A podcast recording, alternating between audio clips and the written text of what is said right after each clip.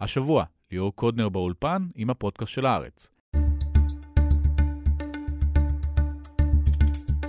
לקראת החג אנחנו מביאים שיחה חדשה אחת ושתי אחרות ששידרנו בחודשים האחרונים. בעקבות הוויכוח על הסרבנות, חזרנו ליגיל לוי וליניב קובוביץ', שאיתם דיברנו על מה מצפה הימין מהצבא ואיך נוצרו בצה"ל מעמדות שונים. הדיבורים על ירידה מהארץ הביאו אותנו לבחון אופציה חלופית, מגורים לאורך תקופה ארוכה במקום אחר.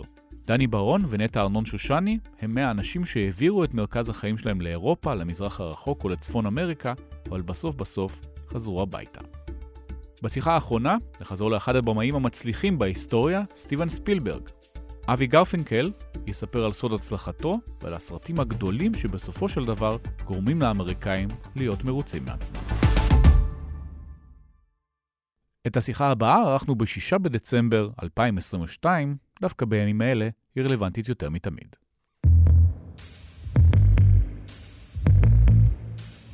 אני דורש מהרמטכ"ל, מכל הפיקוד, לחשוב פעמיים על העונש הזה. יש מי שמנסים להשפיע פוליטית על ההתנהלות המקצועית של מפקדי צה"ל. יש מי שמנסים להלך אימים על הרמטכ"ל ולייחס לו מניעים פוליטיים בשמכם. אנחנו כאן למנוע את המחבוש המיותר הזה, כי ידעו חיילי צה"ל הגיבורים שאנחנו כאן נגבה אותם, כן, כן.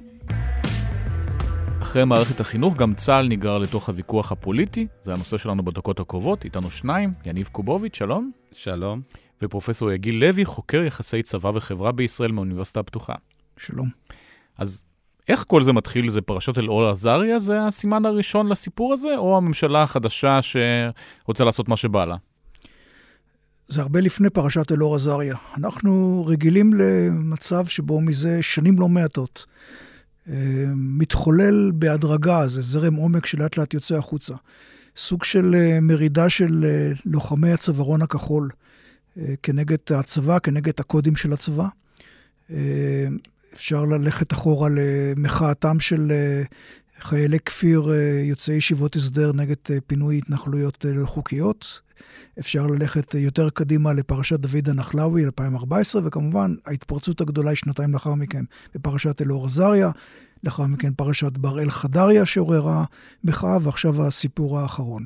המשותף לכל האירועים האלה הוא שחיילים, לוחמי צווארון כחול, אה, מקבוצות פריפריאליות, דתיות אה, ואחרות, אינם מוכנים לקבל עוד את מערכת הקודים המקובלת של הצבא ומתקוממים נגדה בצורות שונות. מה זה אומר צווארון כחול? זה לא הקיבוצניקים, הצבא של פעם, אלא אה, יותר מזרחים, יותר דתיים, יותר חרדים?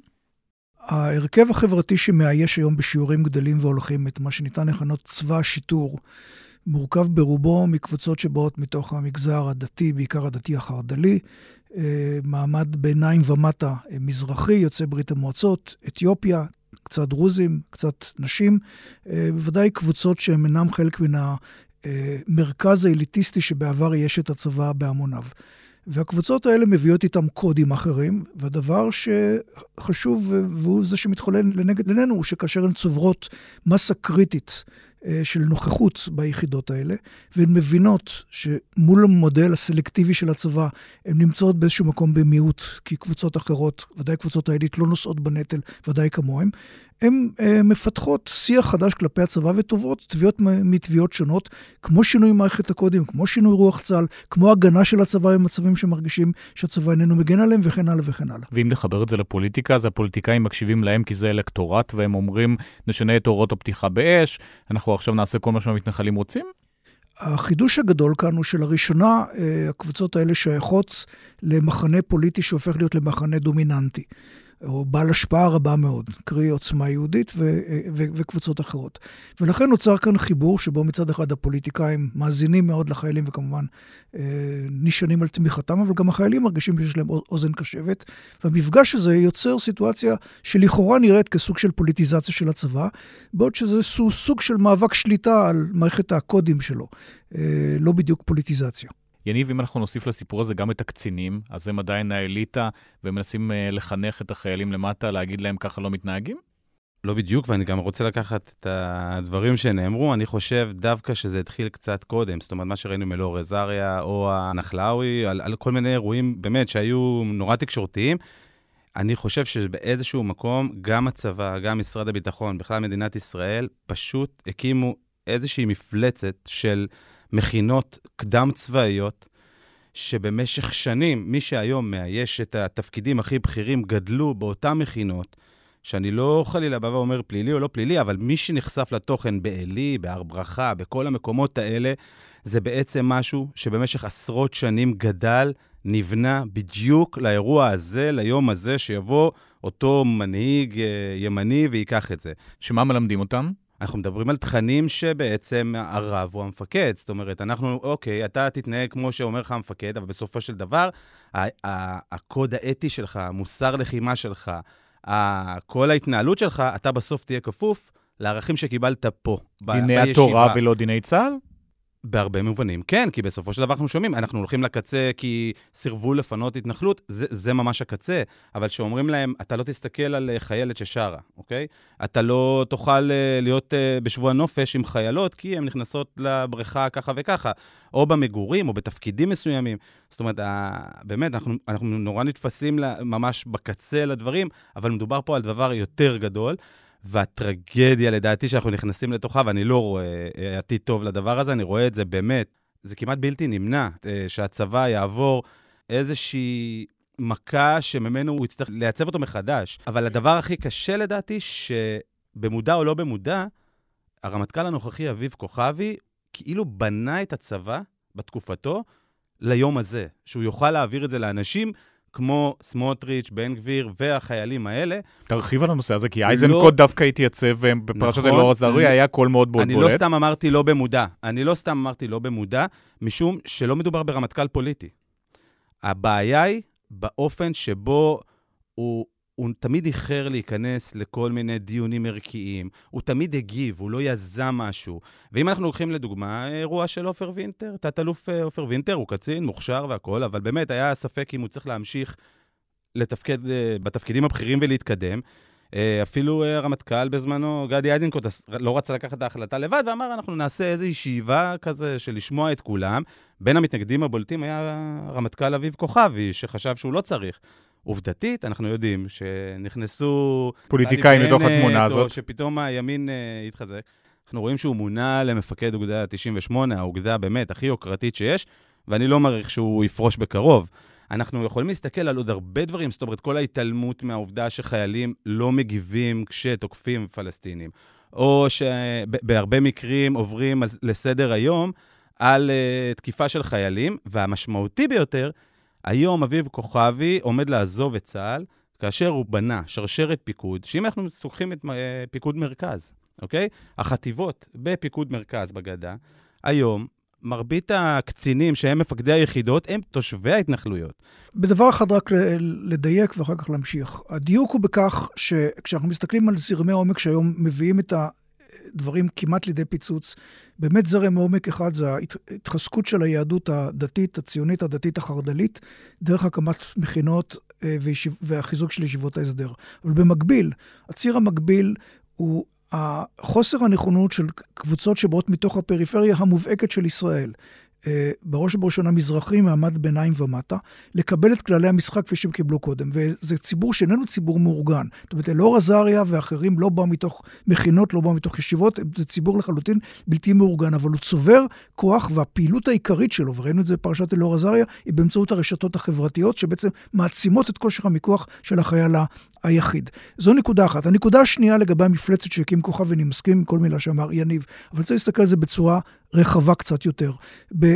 בגדה המערבית קם מאז ראשית שנות האלפיים צבא שהוא נפרד מהצבא הרשמי, צבא שיטור שיש לו היגיון פעולה, סמכות, היררכיה שמפ... שמפקחת עליו, לגמרי שונה מזו של הצבא הרשמי. והדבר הזה קם עוד הרבה לפני כוכבי וגם לפני אייזנקוט. שהמטרה שלו זה תחזוקה של הכיבוש? המטרה שלו הייתה תחזוקה של הכיבוש, ובהדרגה זה הפך להיות למכשיר, לזרוע ארוכה של המדינה, אה, ואפורה לסיפוח שטח C, שזה מה שעושה ממשלת ישראל בשיטתיות, מאז שהפתרון אה, שתי המדינות אה, קרס עם, עם חילופי השלטון בין אולמרט לבין, לבין נתניהו. והצבא הזה, שהוא צבא שפועל פחות או יותר בנפרד, הנפרדות הזאת לא טופלה כראוי בפרשת אלאור עזריה. כלומר, לכאורה, גדי איזנקוט קם ואמר, אם אנחנו רוצים צבא של אה, פלנגות או, או כנופיות, או איך שהוא קרא לזה, אבל ברמה המעשית, הוא לא נקט בשום מהלך שיחולל הפרדה בין הצבא הזה לבין קהילות המתנחלים שבתוכם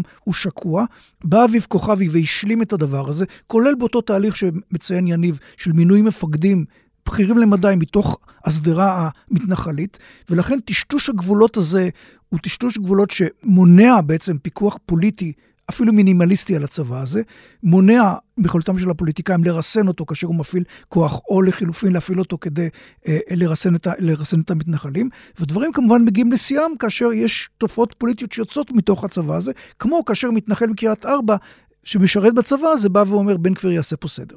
אני חושב שזה טעות להסתכל על מה שקורה בפיקוד מרכז, בהתנחלויות, בגדה, ולא להסתכל על הדבר הכולל. שאני רואה, לדוגמה, שהקימו ועדה לבחינת שילוב לוחמות שריון בצה"ל. ואז אומרים, הוועדה תהיה מקצועית ותבחן רק היבטים מקצועיים. האם אנחנו יכולים לנצח מלחמה עם השינוי? וכשאתה מבין שבאותה ועדה יושב הרב הצבאי ומוזמנים שני רבנים מישיבות uh, הסדר. אתה מבין מה זה, שזה מלכתחילה תפור? אני לא מצליח להבין, ואני גם כתבתי על זה בזמן אמת, איזה רלוונטיות מקצועית יש לרבנים בתוך השיח הזה. זאת אומרת, אביב כוכבי כרמטכ"ל, הרבה פעמים לא רצה להתעסק, שם את זה בצד, הוא האמין שאנחנו צריכים להילחם, וזו המטרה, וכל הנושא הערכי, הקוד האתי, ה... בכלל, מוסר לחימה הכי בסיסי, אני לא מדבר על איזה שהם שיקולים אה, נורא גבוהים. המוסר לחימה הכי בסיסי זה משהו שטושטש. אז הרמטכ"ל הבא, הרצי הלוי, מה הוא יכול לעשות? הרצי הלוי, כרמטכ"ל, נכנס, אני חושב, לתקופה הכי מאתגרת. הוא זה שבהחלטות שלו ובדרך שהוא יקבע, הוא יעצב את uh, צה"ל כצבא העם. זאת אומרת, הוא ישמור אותו או לא ישמור אותו כצבא העם בתקופה הזאת. משום שאני לא רואה שחיילי המילואים, לדוגמה, אני לא רוצה לדבר על הסדיר, אני לא רואה אם אנחנו הולכים לספח עכשיו את uh, חלקים מהגדה, אני לא רואה אנשים ששירתו איתי, או שאני מכיר הרבה מהם, uh, הולכים לממש uh, מדיניות של אפרטהייד כאנשי מילואים. אנחנו בסוף uh, התגייסנו, לחמנו, נשבענו בכותל על הנשק, למות למען המדינה וערכיה וחירות, לא בשביל uh, לקחת uh, חלק באיזושהי... אה, מימוש אה, ממשל אפרטהייד בגדה, ושם הרצי הלוי, לדעתי, כרמטכ"ל, זה, ה, זה הדבר המרכזי שלו. אנחנו פה ממש רואים אפשרות של מרד בתוך הצבא, אולי מבחוץ, או שזה לא יקרה? גם מערך המילואים השתנה באופן דרמטי בשנים האחרונות, וכשמסתכלים על יחידות המילואים, אנחנו רואים הרכב חברתי שונה לחלוטין מהרכב שאתה מכיר, יניב, כאשר אתה שירתת. אה, וה... אני רואה אותם ביום-יום. ואנשים שאתה מדבר עליהם הם אנשים שפחות ופחות באים לשירות מילואים, ופחות ופחות כאשר נקראים גם מגיעים לשירות מילואים. ההרכב החברתי של, מערך, של, של יחידות המילואים משתנה. ולכן אינני צופה מרד של שמאל מרכז אה, מתוך, מתוך הצבא.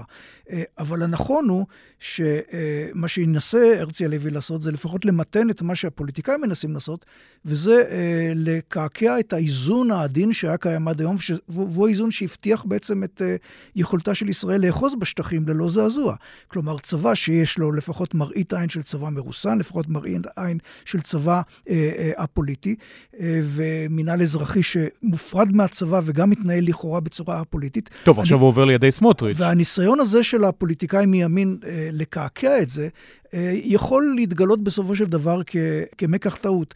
אבל התפנית בעניין הזה לא תתרחש לא מתוך מרד בתוך הצבא, אלא המקור היחיד שממנו צריכה לדאוג הממשלה הנוכחית, בכל מה שקשור לענייננו בגדה, זה מלחץ בינלאומי. כלומר, האינטרס האמריקאי שעוקב מקרוב, למשל, אה, גדוד נצח יהודה נמצא תחת מוניטור של ה-State Department.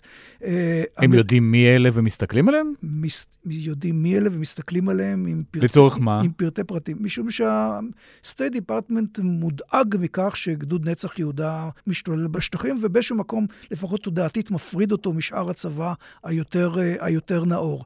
אבל אתה... ואז מה, מעבירים מסרים לישראל, תרחיקו אותם? ואז מעבירים מסרים מישראל, תרחיקו או תרסקו. ירסנו אותם, או לפחות עצם זה שהוא מגלה עניין אמור להיות מסר, מסר לישראל. שמה כשהם... המקל אה, נפסיק את הסיוע לא, האמריקאי? לא, אנחנו יודעים שהאמריקאים כמעט ולא מפעילים שום מקלות כלפינו, ודאי לא בממשל הנוכחי, אולי עכשיו. משהו, משהו השתנה, השתנה בדבר הזה. כשם שהאמריקאים העירו הערות לגבי הוראות פתיחה באש, ש...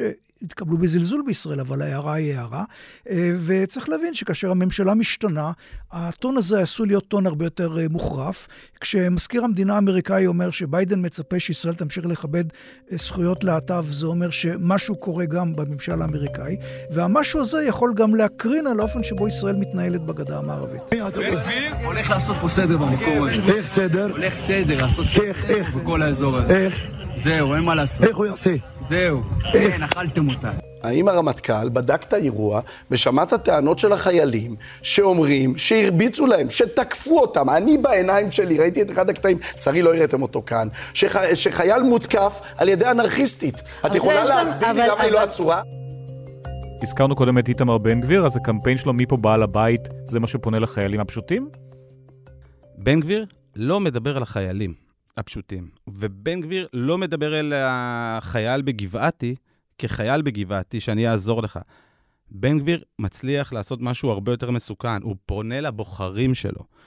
הוא רואה בחיילים כבוחרים שלו, וזו הסיבה שהוא פונה אליהם ב, בשפה אה, פוליטית. טוב, זה לגיטימי. לא יכול, הוא לא יכול לפנות אליהם בצבאי, כי הוא לא באמת היה שם, הוא לא יודע, הוא המון דמגוגיה, המון סיפורים, בסדר. טוב, אני... אבל מה מחבר אותם אליו? א', זה הגיל הזה, אנחנו יודעים שבאופן אה, מסורתי, החיילים הם יותר ימין, כי אתה חי שם, אתה, אנחנו גם מדברים על, כמו שנאמר פה, בסוף, כן, החברה הישראלית שינתה פניה, אנחנו הרבה יותר אה, ימנים, אה, ו- ובלי קשר לעובדה שאנחנו ימנים, אנחנו גם יותר אלימים וגזענים, כאילו, אנחנו רואים את זה בכבישים. אתה לא יכול לנתק את מה שאתה רואה במכות בלובי במלון עם כיסאות פלסטיק, למה שקורה באלימות בימית 2000, לכביש, צה"ל זה צבא העם. אלו האנשים, אלה שחזרו מקפריסין, זה מי שמתגייס. צה"ל לא יכול לברור, ואנחנו רואים את זה, ואני חושב שבן גביר מדבר לא לחיילים כחיילים, הוא מדבר אליהם כי הם הבוחרים הפוטנציאליים ויש לו שאיפות הרבה מעבר. בן גביר הוא בן גביר של החיילים, גם אם הוא לא מדבר אליהם באופן ישיר, אבל הוא מדבר אליהם בשפתם, הוא מדבר אליהם בגובה העיניים. הוא מתייחס אליהם כסוג של גיבורים שהמערכת הפוליטית מקרבנת אותם בכך שמונעת מהם לנצח, מונעת מהם להפעיל כוח, מונעת מהם אפילו להגן על עצמם בצורה אה, ישירה דרך הוראות פתיחה באש לכאורה מרסנות, לכאורה אה, אה, כאלה שמעקרות את אה, כוחם אה, של החיילים. אה, בן גביר רואה אותם לא רק כגיבורים, אלא כמי שבעצם בהתנהגות שלהם, כולל בהתנהגות אלימה, בעצם מייצגים את מה שבן גביר תופס כרוח צה"ל האמיתית, רוח צה"ל כפי שהיא צריכה להיות. כלומר, צה"ל שאיננו מתבייש בהפעלה של כוח, ודאי לא מתבייש בהפעלה של כוח כנגד פלסטינים בשטחים. הדברים האלה מדברים אל חיילים שבסופו של דבר הם לא רק בבואה של החברה, אלא באופן ספציפי, הם חשים שהחברה כחברה מקפחת אותם, בעצם זה שמעמידה אותם בזירת החיכוך הקשה ביותר, המלוכלכת ביותר, צריך אפילו לומר, מול הפלסטינים, ואיננה מגבה אותם. לא בתנאי שירות, לא בתשואה הכלכלית שהם אחר כך מביאים איתם מהצבא לשוק העבודה האזרחי, בשונה קבוצות ממשרתי ההייטק, ולא בגיבוי שהצבא נותן להם כאשר הם אה, מסתבכים. בכל המישורים האלה, בן גביר מדבר אליהם בשפתם, בין אם הוא מתכוון לכך ובין אם הוא לא מתכוון. אז אם אנחנו מסתכלים קדימה, יכול להיות שדווקא בגלל שהממשלה היא כל כך קיצונית והמדיניות תהיה כל כך... Uh... קיצונית גם לכיוון הזה, אז אולי תהיה איזו ריאקציה אחורה, או שהאופק ברור וזה הולך לשם? אני חושב שהשינויים ההדרגתיים שחלים בצבא, ובהנחה שהדרג הפוליטי לא יש, ישתולל יתר על המידה, בעניין הזה צריך טיפה לסמוך על נתניהו, וטיפה, כפי שציינתי קודם לכן, על, על, על האמריקאים. אנחנו לא נראה לא מרידה בצבא ולא ריאקציה בצבא, אלא תהליכים שהם תהליכים הדרגתיים, כפי שהתחוללו עד היום. אינני רואה בצבא מקום שממנו תצמח איזושהי ריאקציה כלפי, כלפי הדרג הפוליטי, למעט בדבר אחד. אנחנו יודעים שהרצי הלוי, והשאלה כמה אומץ יהיה לו לעשות את זה, בעבר לפחות דיבר, חשב, כיוון לכך שצריכה להיות אופציה מדינית. דבר שהרמטכ"ל הנוכחי כוכבי נמנע ממנו לחלוטין. הרצי הלוי מילא איזשהו תפקיד מרסן בהסדרה מול הפלסטינים בעזה, כאשר הוא היה אלוף פיקוד הדרום. טוב, אחרי י... מקרה יאיר גולן, אני לא בטוח שהוא יוצא להתקרב לשם. אה, מצד אחד. מצד שני, גם בלי לתת נאום אה, בטקס יום השואה על, על. תהליכים שלכאורה קורים או לא קורים, יכול רמטכ"ל, וכבר היו דברים מעולם, להשמיע את דעתו על כך שההסדרה העתידית של הקונפליקט בין ישראל לפלסטינים יכול לעבור רק דרך משא ומתן מדיני. עד כמה הוא יעשה את זה בממשלה שהיא ממשלה ימנית, אינני יודע, ובעניין הזה אין לי תקוות גדולות לגביו, אם אפשר להעיר את זה כהערה פוליטית. אני שוב, אני חושב שכן יהיה משהו, אני לא מדבר במונחים של מרד, זאת אומרת, זו גם הסיבה שדיברתי על חיילי המילואים. אני לא רואה שינוי בסדיר, הסדיר צריכים להתגייס, יתגייסו, בסוף יודעים לשלוט בהם בצורה כזאת או אחרת עד שהם יוצאים. אני דיברתי בקצה על חיילי המילואים, זה לא מרד נגד הצבא, זה לא יהיה שחיילי המילואים יצאו למרד נגד, נגד הצבא, אבל בסוף בקצה יישב חייל, אוקיי, מילואים, בני, בין 25-6, שהוא רוצה להתחתן עוד מעט, אבל הוא גם uh, עכשיו לומד והוא משלם את כל הלימודים שלו, הוא גם משלם את המיסים כדי לחלק לכל השאיפות וההבטחות שאנחנו רואים עכשיו, אה, אם זה דרך ש"ס או לא יודע מה, אנחנו נתקצב את כל הדבר הזה, נעביר חוקים שחצי מאיתנו לא יתגייסו, ואז הזעם שלו לא ילך על הצבא, זה לא יהיה מרד בצבא. אני חושב שהצבא עדיין יש בו איזשהו יסוד נורא חזק שאפשר לשמר אותו. אבל בקצה, שהוא יישב ביום עבודה שלו, והוא יגיד, הנה, אני על היום הזה שילמתי מיסים, אני מחר יוצא למילואים, בכסף שאני שילמתי מיסים, לא אני אקבל אותם, יקבלו אותם אנשים שלא עובדים ותורתם אומנותם, ועכשיו אני צריך ללכת לאיזושהי מלחמה סוג, נגיד, כן, אה, חומת מגן 2, כי החליטו להכשיר את חומש ואביתר. עכשיו, יש גבול לכמה האוכלוסייה פה מוכנה להיות מטומטמת.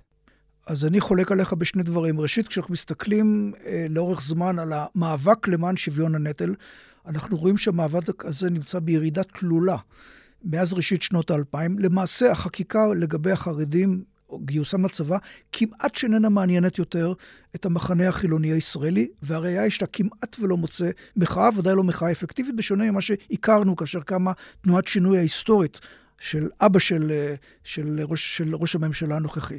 זה הערה... אה, אה, למה? כי אנחנו עסוקים בנושאים יותר גדולים? משום שבסופו של דבר, כאשר מודל הצבא, מודל גיוס לצבא הפך להיות למודל סלקטיבי, שבו מי שאיננו רוצה לשרת בחובה בסופו של דבר יכול לא לשרת בחובה או לשרת בחובה במקום שהוא רוצה. ובפרט במילואים זה הפך להיות למודל התנדבותי דה פקטו. הצעיר בין המעמד הבינוני החילוני מול האופציה של התקוממות או מול אופציה של מחאה, יש לו גם אופציה של מה שאנחנו קוראים סוציולוגית יציאה, אקזיט. כלומר, הוא איננו משרת, הוא עושה לביתו, ובסופו של דבר הסוגיה הזאת של, של, של שוויון בנטל, הוא מטפל אותה בכך שהוא מוריד מעצמו את הנטל, ולא עושה כך שהוא דואג ל, ל, ל, לשוויונם של אחרים. כל המחאה הזאת של שוויון בנטל פשוט נמצאת בדעיכה כמעט אבסולוטית, ולכן אני לא מציע לצפות לה. והערה נוספת, צה"ל לא יצא למלחמה על חומש.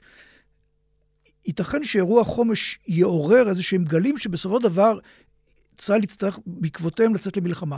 הניסיון שלנו באופן שבו המדיה הישראלית, לאו דווקא עיתון הארץ, מטפלים בסכסוך הישראלי-ערבי, מראה שיש בסופו של דבר טשטוש של סדר המאורעות של מה שקדם למה. ולכן גם כשצה"ל יצא למלחמה בעזה לפני כשנה, זה לא נתפס כמלחמה על אה, סוגיית הבתים בסילואן, אלא כתגובה לירי של חמאס על, על ירושלים. היכולת למסגר מחדש את האירועים האלה באופן שבסופו של דבר יצדיק הפעלה של כוח וגם יצדיק את הקורבן בפני מי שמראש אידיאולוגית מוטים לשאת בקורבן כזה, היכולת הזאת היא יכולת מאוד מפותחת. אני חייב רק אה, עוד פעם להתייחס לדבר אחד שאני מבין על מה שדובר פה קודם, בעצם שאנחנו אף פעם לא עשינו עניין מהסיפור הזה של השוויון בנטל והחרדים, זה לא תמיד עניין, נכון? עשינו, אבל רגע, כבר אין עניין כזה. לא, צריך שוב להבין שיש פה אירוע שונה. עד היום, החרדים, בגדול, כן? באו ואמרו, תקשיבו, אנחנו חיים בבידול, קחו את ה... אנחנו לא עושים צבא, אנחנו נקבל את זה, אנחנו לא מתערבים לכם יותר מדי, אנחנו אפילו לא נהיה שרים, נהיה סגני שרים, אנחנו חיים במקום שלנו. פתאום באה מערכת הבחירות הזאת ואומרת, אנחנו כבר לא מתנצלים, אנחנו רוצים להיות במקבלי ההחלטות, במשרדים הכי חשובים. אנחנו רוצים גם לנהל תקציב, גם לנהל ביטחון, גם לקבוע. ברגע שהוא הכניס את עצמו והחליט להפסיק את הבידול, טוב, זה כן דמוקרטיה, אבל. אין בעיה. אבל אז משהו משתנה. אם אתה רוצה להיות איתי במשחק, אז אתה איתי במשחק. אתה לא עכשיו יושב ב, בערים החרדיות או במובלעות החרדיות, אתה מקבל את התקציב שלך, אבל אתה לא מתערב, לא אכפת לך, כל אחד יחיה בשלו. פה אתה בא ואומר, לא, מהיום אני לא רוצה להתנצל, אני רוצה לקבוע, ואני רוצה להיות במשרדים הכי משמעותיים. אתה רוצה? אין בעיה. אז יתחילו לשאול, מה עם הנטל? הנטל של מי משלם מס, לא מי משרת בצבא. זה יהיה נושא השיח. זה היינו הך. לא, זה היינו הך בעיניך. בעיניך, אבל נשאי המחאה של שוויון בנטל פשוט כבר לא קיימים יותר. אני עשיתי מילואים עד גיל 41, זומנתי לדעתי לכל הצווי 8 שהיו מאז אה, 96, אוקיי? אני עשיתי עם הצוות שלי שירות מילואים בגזרות הכי זה, אני לא זוכר שפעם, ואני, אתה יכול להגיד שזו תקופה אחרת, אני לא סיימתי מזמן, כן? אני עד גיל 41, לא זוכר ש, שזה היה שיקול בכלל, הכסף, המיסים, הזה, כמו העניין שבסוף תמיד ידענו שברגע האמת, אוקיי? שיקרה פה משהו, ולא בגדה, בלבנון, אנחנו נהיה מוכנים ללכת, להיות ראשונים וגם לשלם בחיים בשביל ביטחון מדינת ישראל. העובדה שפתאום ביש... ההנהגה בישראל קיבלה את זה כאיזה משהו בלתי ניתן ל... לערעור, או שהתפיסה הזאת שאני אהיה מוכן למות בשביל מדינת ישראל, זה לא משהו שביר, זה הטעות שלהם, ואת זה לדעתי הם כן יספגו הפעם. יניב קובוביץ' והגיל לוי, תודה רבה. תודה. תודה לך.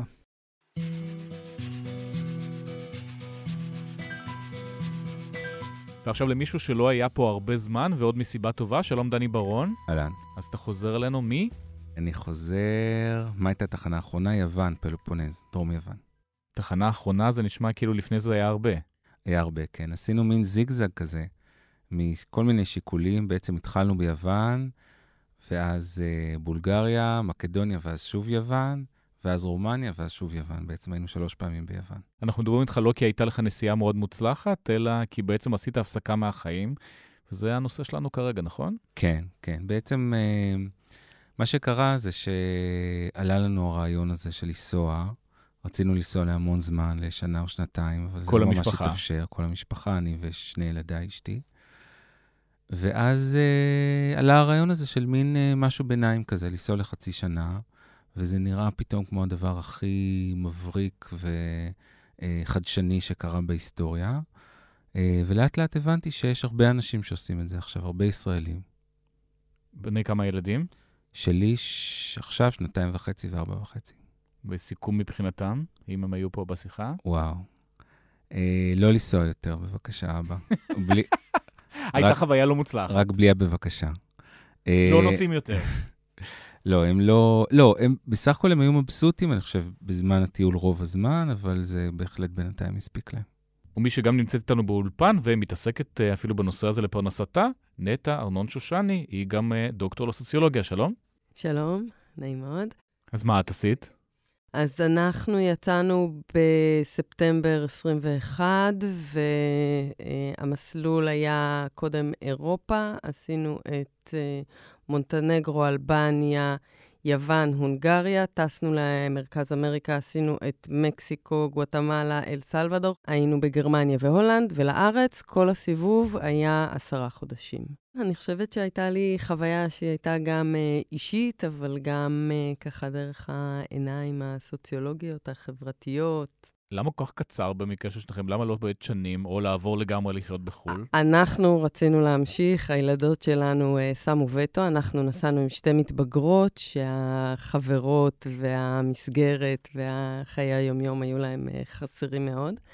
היום, אם תשאל אותם, הן uh, אורזות תיק בחצי שעה ונעמדות בדלת לנסוע שוב. פשוט הבינו שהן טעו.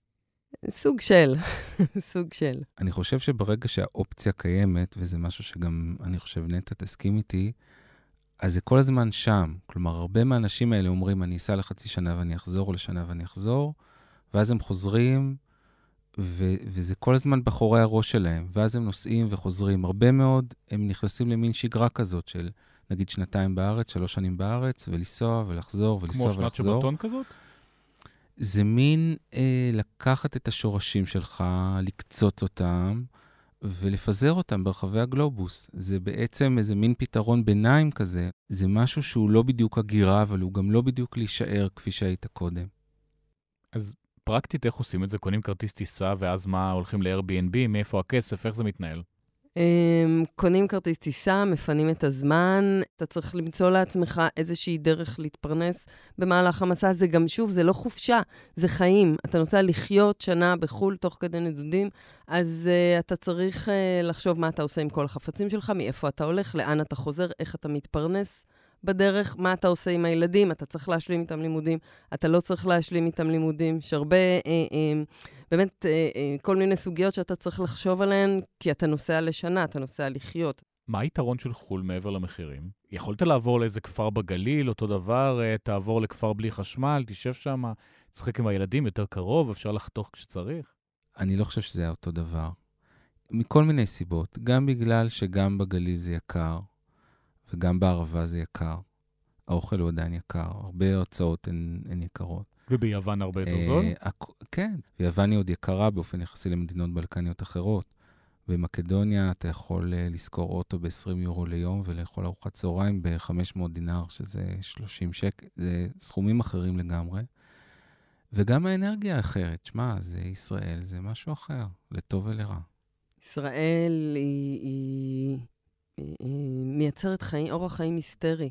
באמת, עובדים מסביב לשעון, הצורך באמת לגמור את החודש. אתה גם, אתה בתוך שגרה, אתה בתוך קריירה. את, כשאתה לוקח את עצמך וממש בכוח מוציא את עצמך למקום אחר, כל השגרה משתנה, כל חיי המשפחה משתנים. אנחנו ישבנו ואכלנו יחד שלוש ארוחות ביום. אנחנו שאלנו את עצמנו כל יום מה נעשה ואיך מתאים לנו. זה לגמרי אחר מאשר ללכת ולעשות את השגרה הרגילה הישראלית שלך בגליל. כשמסתכלים על זה בפרספקטיבה, זה סוג של מה, הפסקה מהחיים? הפסקה מהחיים, הפסקה מהמרוץ, התקרבות למשפחה, קצת אה, שבירה של הסטינג הבלתי ניתן לעצירה, קצת ניסיון אולי להיות פחות אה, צפויים, פחות אה, בורגנים, פחות אה, אה, אה, עם, עם איזה תסריט ידוע מראש שאי אפשר אה, לזוז ממנו, ימינה או שמאלה.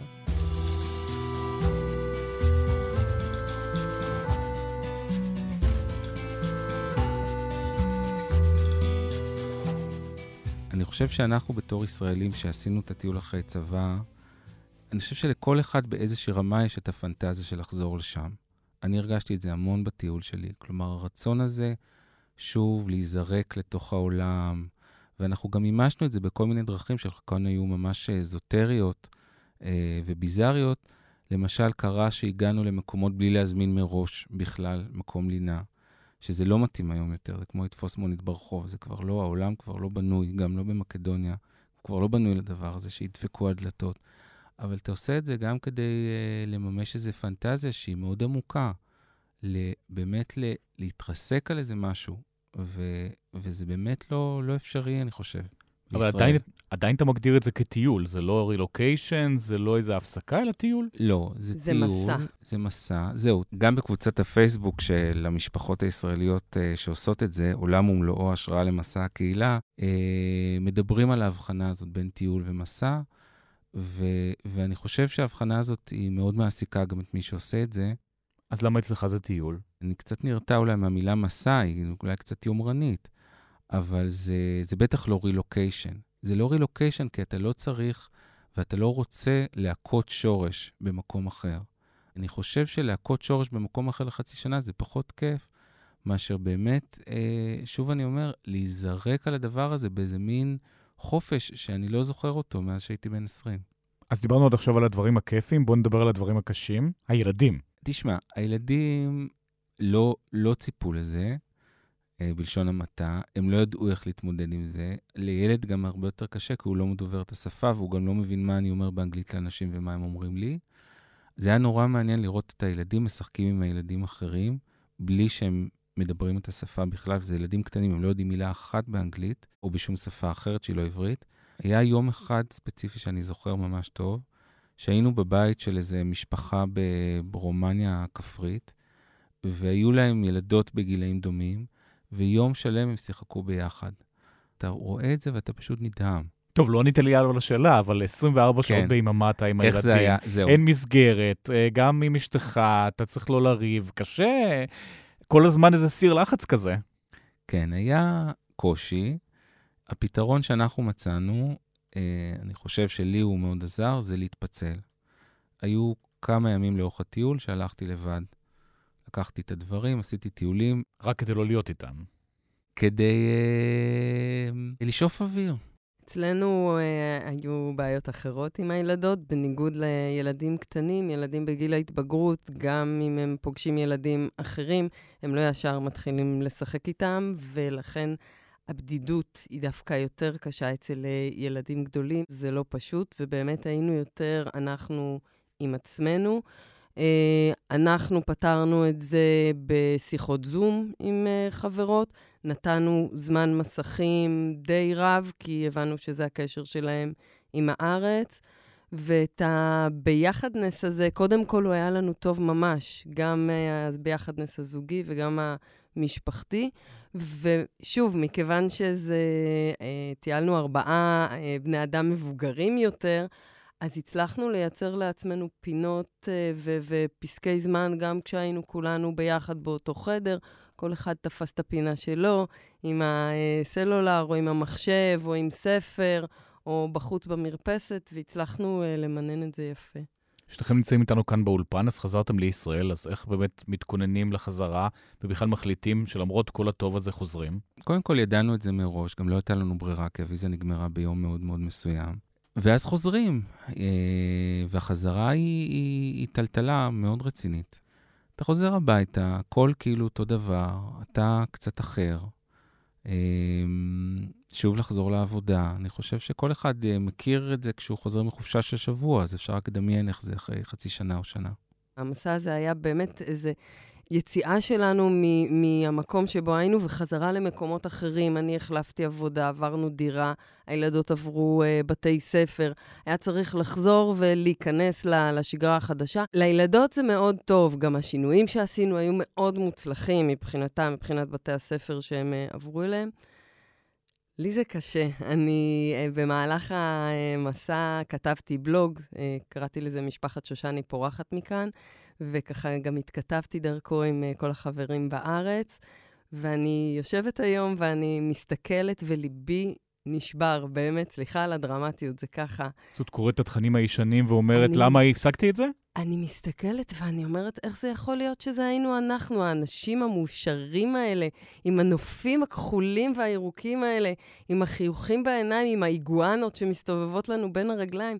איך זה יכול להיות שזה היה בכלל? זה, זה נראה כמו כמו סיפור אגדה, איך זה יכול להיות שעכשיו אנחנו עוד פעם קמים ב-6 בבוקר, עובדים משרה וחצי, בקושי סוגרים את החודש. הפער בין חיי היומיום ש- שמנהלים כאן כשגרה, למה שהיה רק לפני אה, חצי שנה, הוא, הוא, הוא בלתי אה, נתפס. אז למה לא לעבור לגמרי? להחליט על איזה מקום שראית, אה, או אותו מקום בהודו, או בדרום אמריקה, או באירופה, שאף במיוחד, ולהחליט, אני עוברת לשם.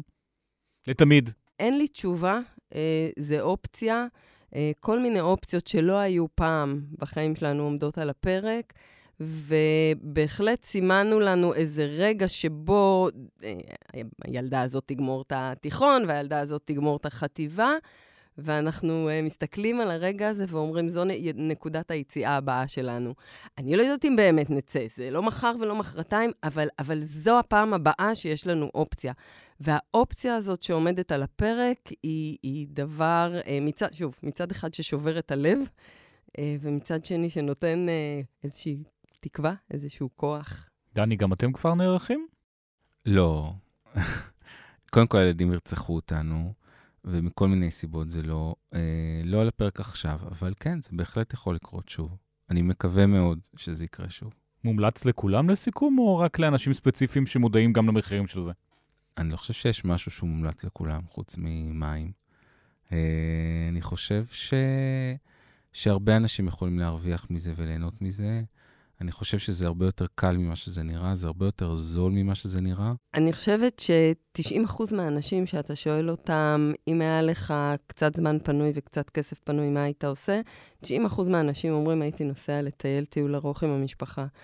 אז uh, לא היה לנו זמן פנוי ולא היה לנו כסף פנוי, אבל עשינו אותם. אבל כשסיפרת את זה לאנשים, הם לא הסתכלו עלייך בתור תימהונית קצת? הם הסתכלו, אה, האמת... או קנאה. קנאה. קיבלתי תגובות של קנאה, של את השראה, שאנחנו מסתכלים עלייך וזה נותן תקווה שאולי אפשר אה, לעשות דברים כאלה. אז, אז זה אפשר, כאילו, לגמרי. נטע ארנון שושני ודני ברון, תודה רבה לשניכם. תודה. תודה. סטיבן ספילברג הוא אחד הבמאים הכי מפורסמים בעולם.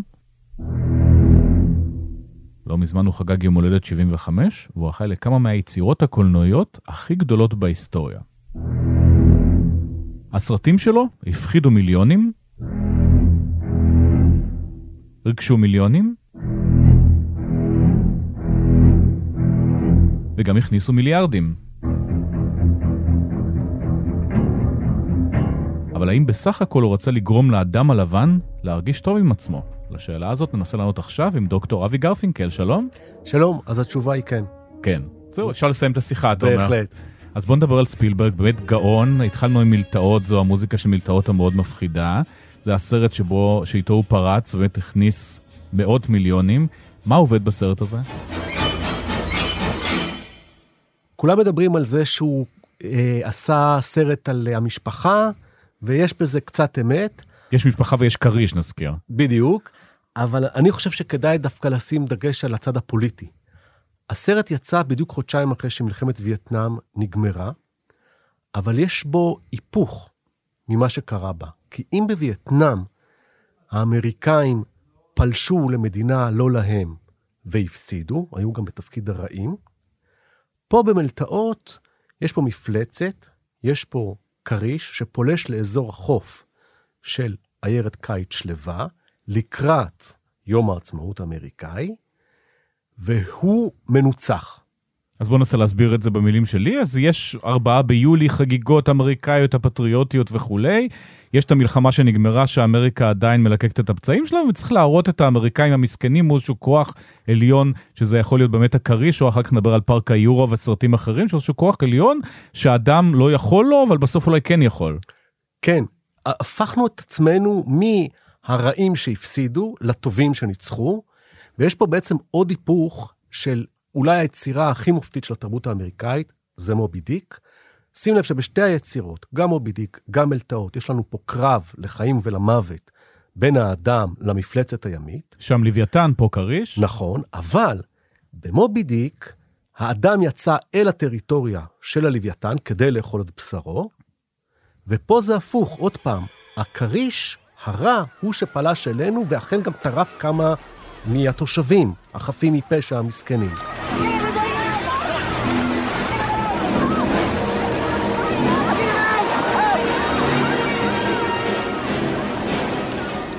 עכשיו, למה ההיפוך הזה כל כך אה, מעניין? כי אנחנו יודעים שספילברג, כפי שציינת, הוא הבמאי הכי מצליח, הכי עשיר בעולם. הסמל של הוליווד אפילו. לגמרי. ומלוויל, שהיה די מצליח עד הפרסום של מובי דיק, הפסיק להצליח ברגע שהוא פרסם את מובי דיק, כי במקום איזה משל פשטני של טובים ורעים, יש פה יצירה מורכבת שלא ברור בדיוק איפה הטוב ואיפה הרע ומי הצודק, ומשל על יחסי האדם מול הטבע ועל יחסי האדם הלבן מול הילידים, קולוניאליזם, כל מיני דברים כאלה שאולי לא החליקו טוב בגרון, והוא מת אלמוני כפקיד מכס ולא במאי מיליארדר.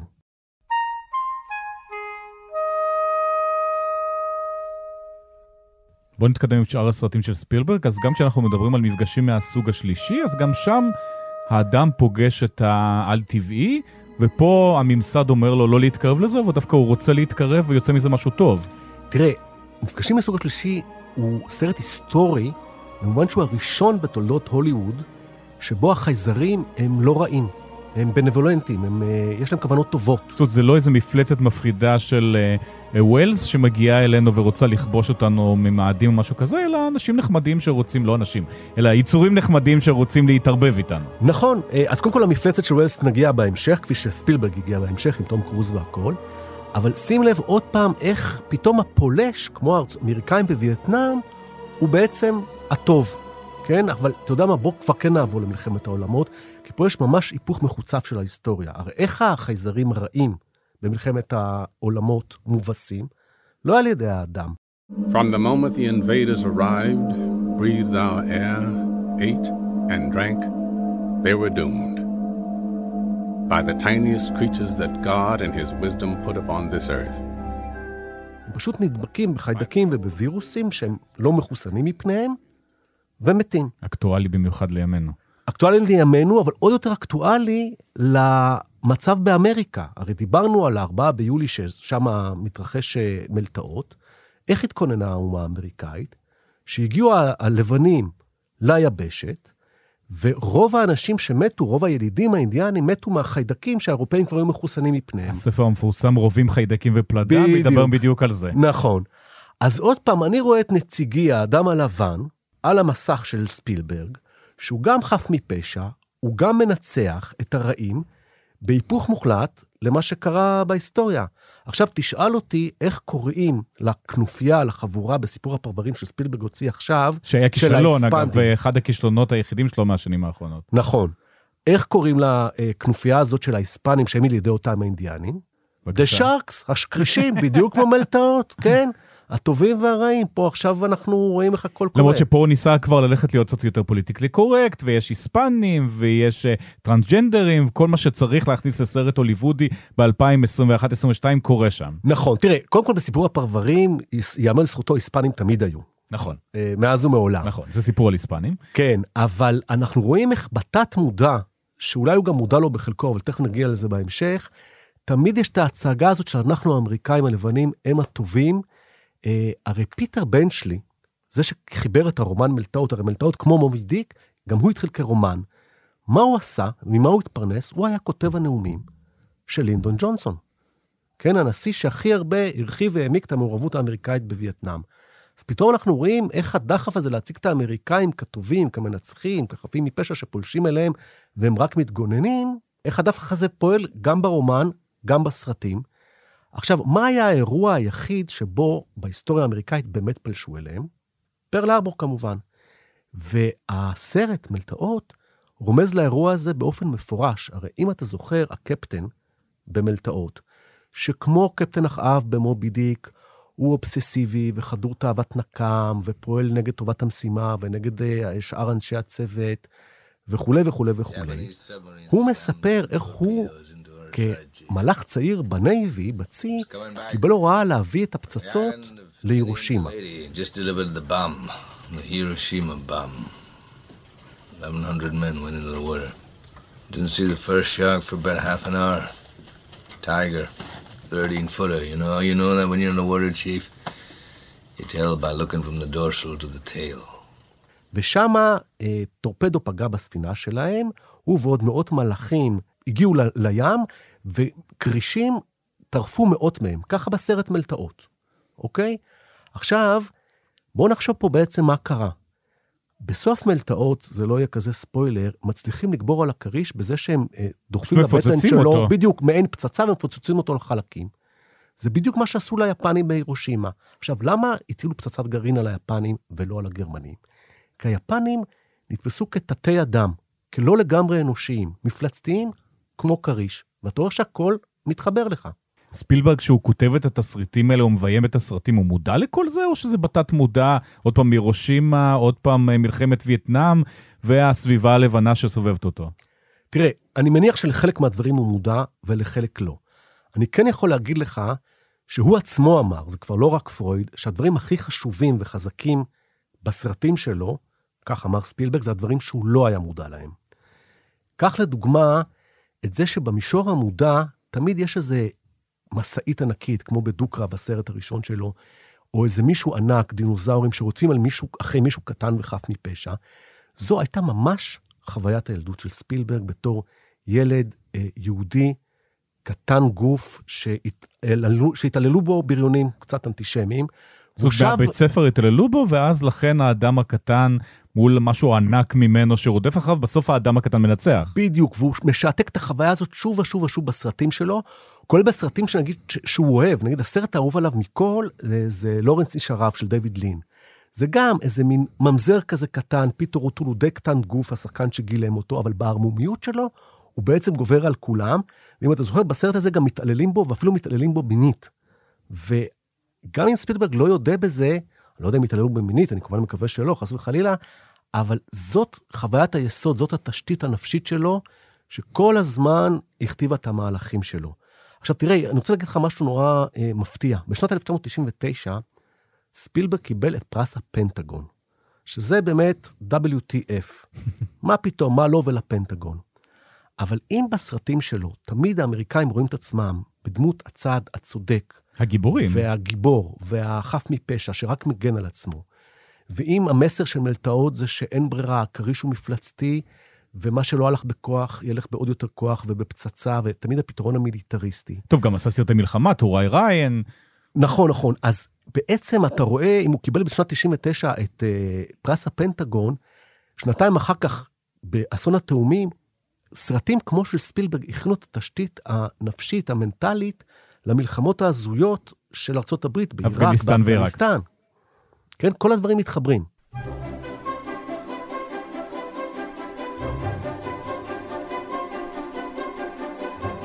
הסרט הכי אהוב עליך של ספילברג? טוב, זה איטי, אני לא חושב שאפשר גם אה, אצלי זה לעמוד איטי. בסרט הזה.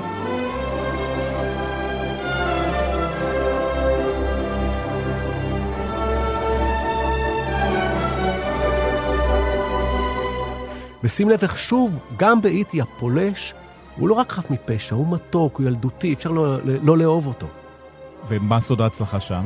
האנושיות. אני חושב שהחום הרגשי, העובדה שאנשים, או במקרה הזה יצורים כל כך שונים זה מזה, מצליחים לתקשר ביניהם, אם אתה מתרגם את זה למונחים ארציים אנושיים, לא משנה מאיזו תרבות רחוקה תיתקל באדם, או אפילו באויב, בסופו של דבר יהיה ביניכם משהו משותף שיאפשר לכם לתקשר, אפילו להתגבר על הפערים, אפילו להשלים, וזה אולי קיצ'י, אבל זה גם נותן תקווה.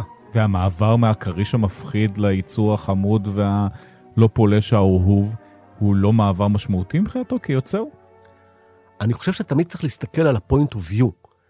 אה, וה-point of view הוא כמעט תמיד, ואתה יודע מה, אני חושב שאני יכול אפילו לוותר על המילה כמעט, מהצד של הקורבן או של הטוב, כן? אם זה מלחמת האזרחים, אז לא ייתנו לך את ה-point of view של איזה בעל עבדים, ייתנו לך את ה-point of view של לינקולן. תמיד אתה תהיה עם הטובים, ובגלל זה הסרטים כל כך uh, יצליחו. עוד סרטים שלא הזכרנו זה פארק היו, רשימת שינדלר ואינדיאנה ג'ונס. כן.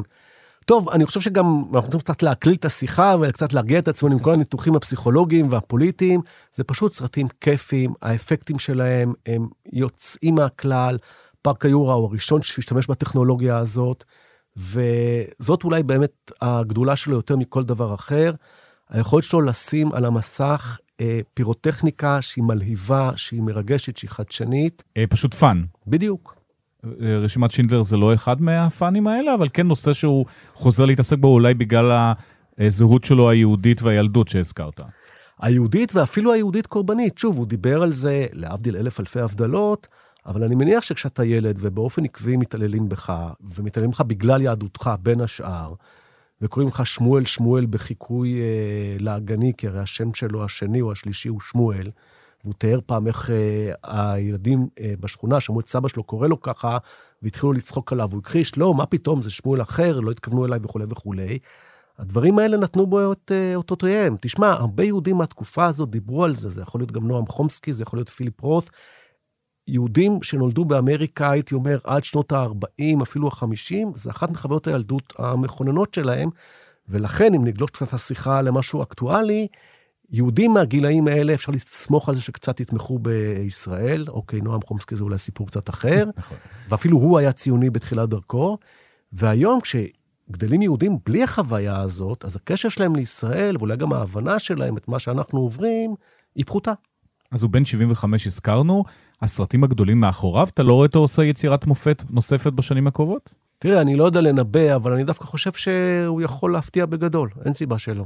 פתאום יכול לבוא איזה סרט, אה, שירת הברבור של ספילברג, ולחזור לימיו הגדולים? לא שבע מדי? כן, מכריש לברבור. לא, תשמע, הוא לא שבע, זה ברור, אתה רואה את זה בפשוט הכיף של היצירה שלו, הכמותי. זה משהו מטורף.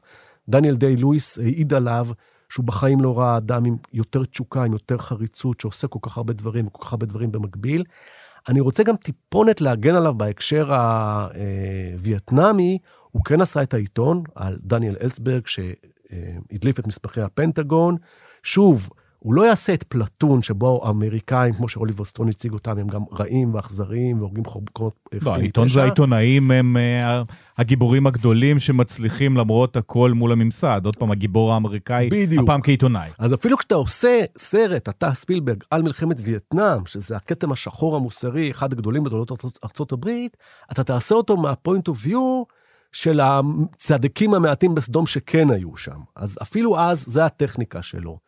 אה, אני משוכנע שגם אם תשאל אותו, תגיד, מה אתה חושב על מלחמת וייטנאם? הוא יגיד לך, רעיון רע.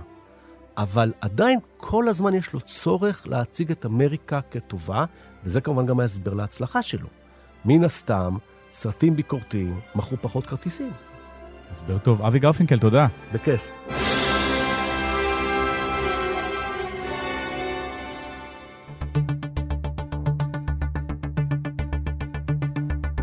הארץ השבוע, כאן סיימנו. חג שמח, בצוות, ניצה ברגמן, אמיר פקטור ואסף פרידמן, על הסאונד דן ברומר, אני ליאור קודנר, אנחנו כאן מדי יום שלישי, להתראות בינתיים.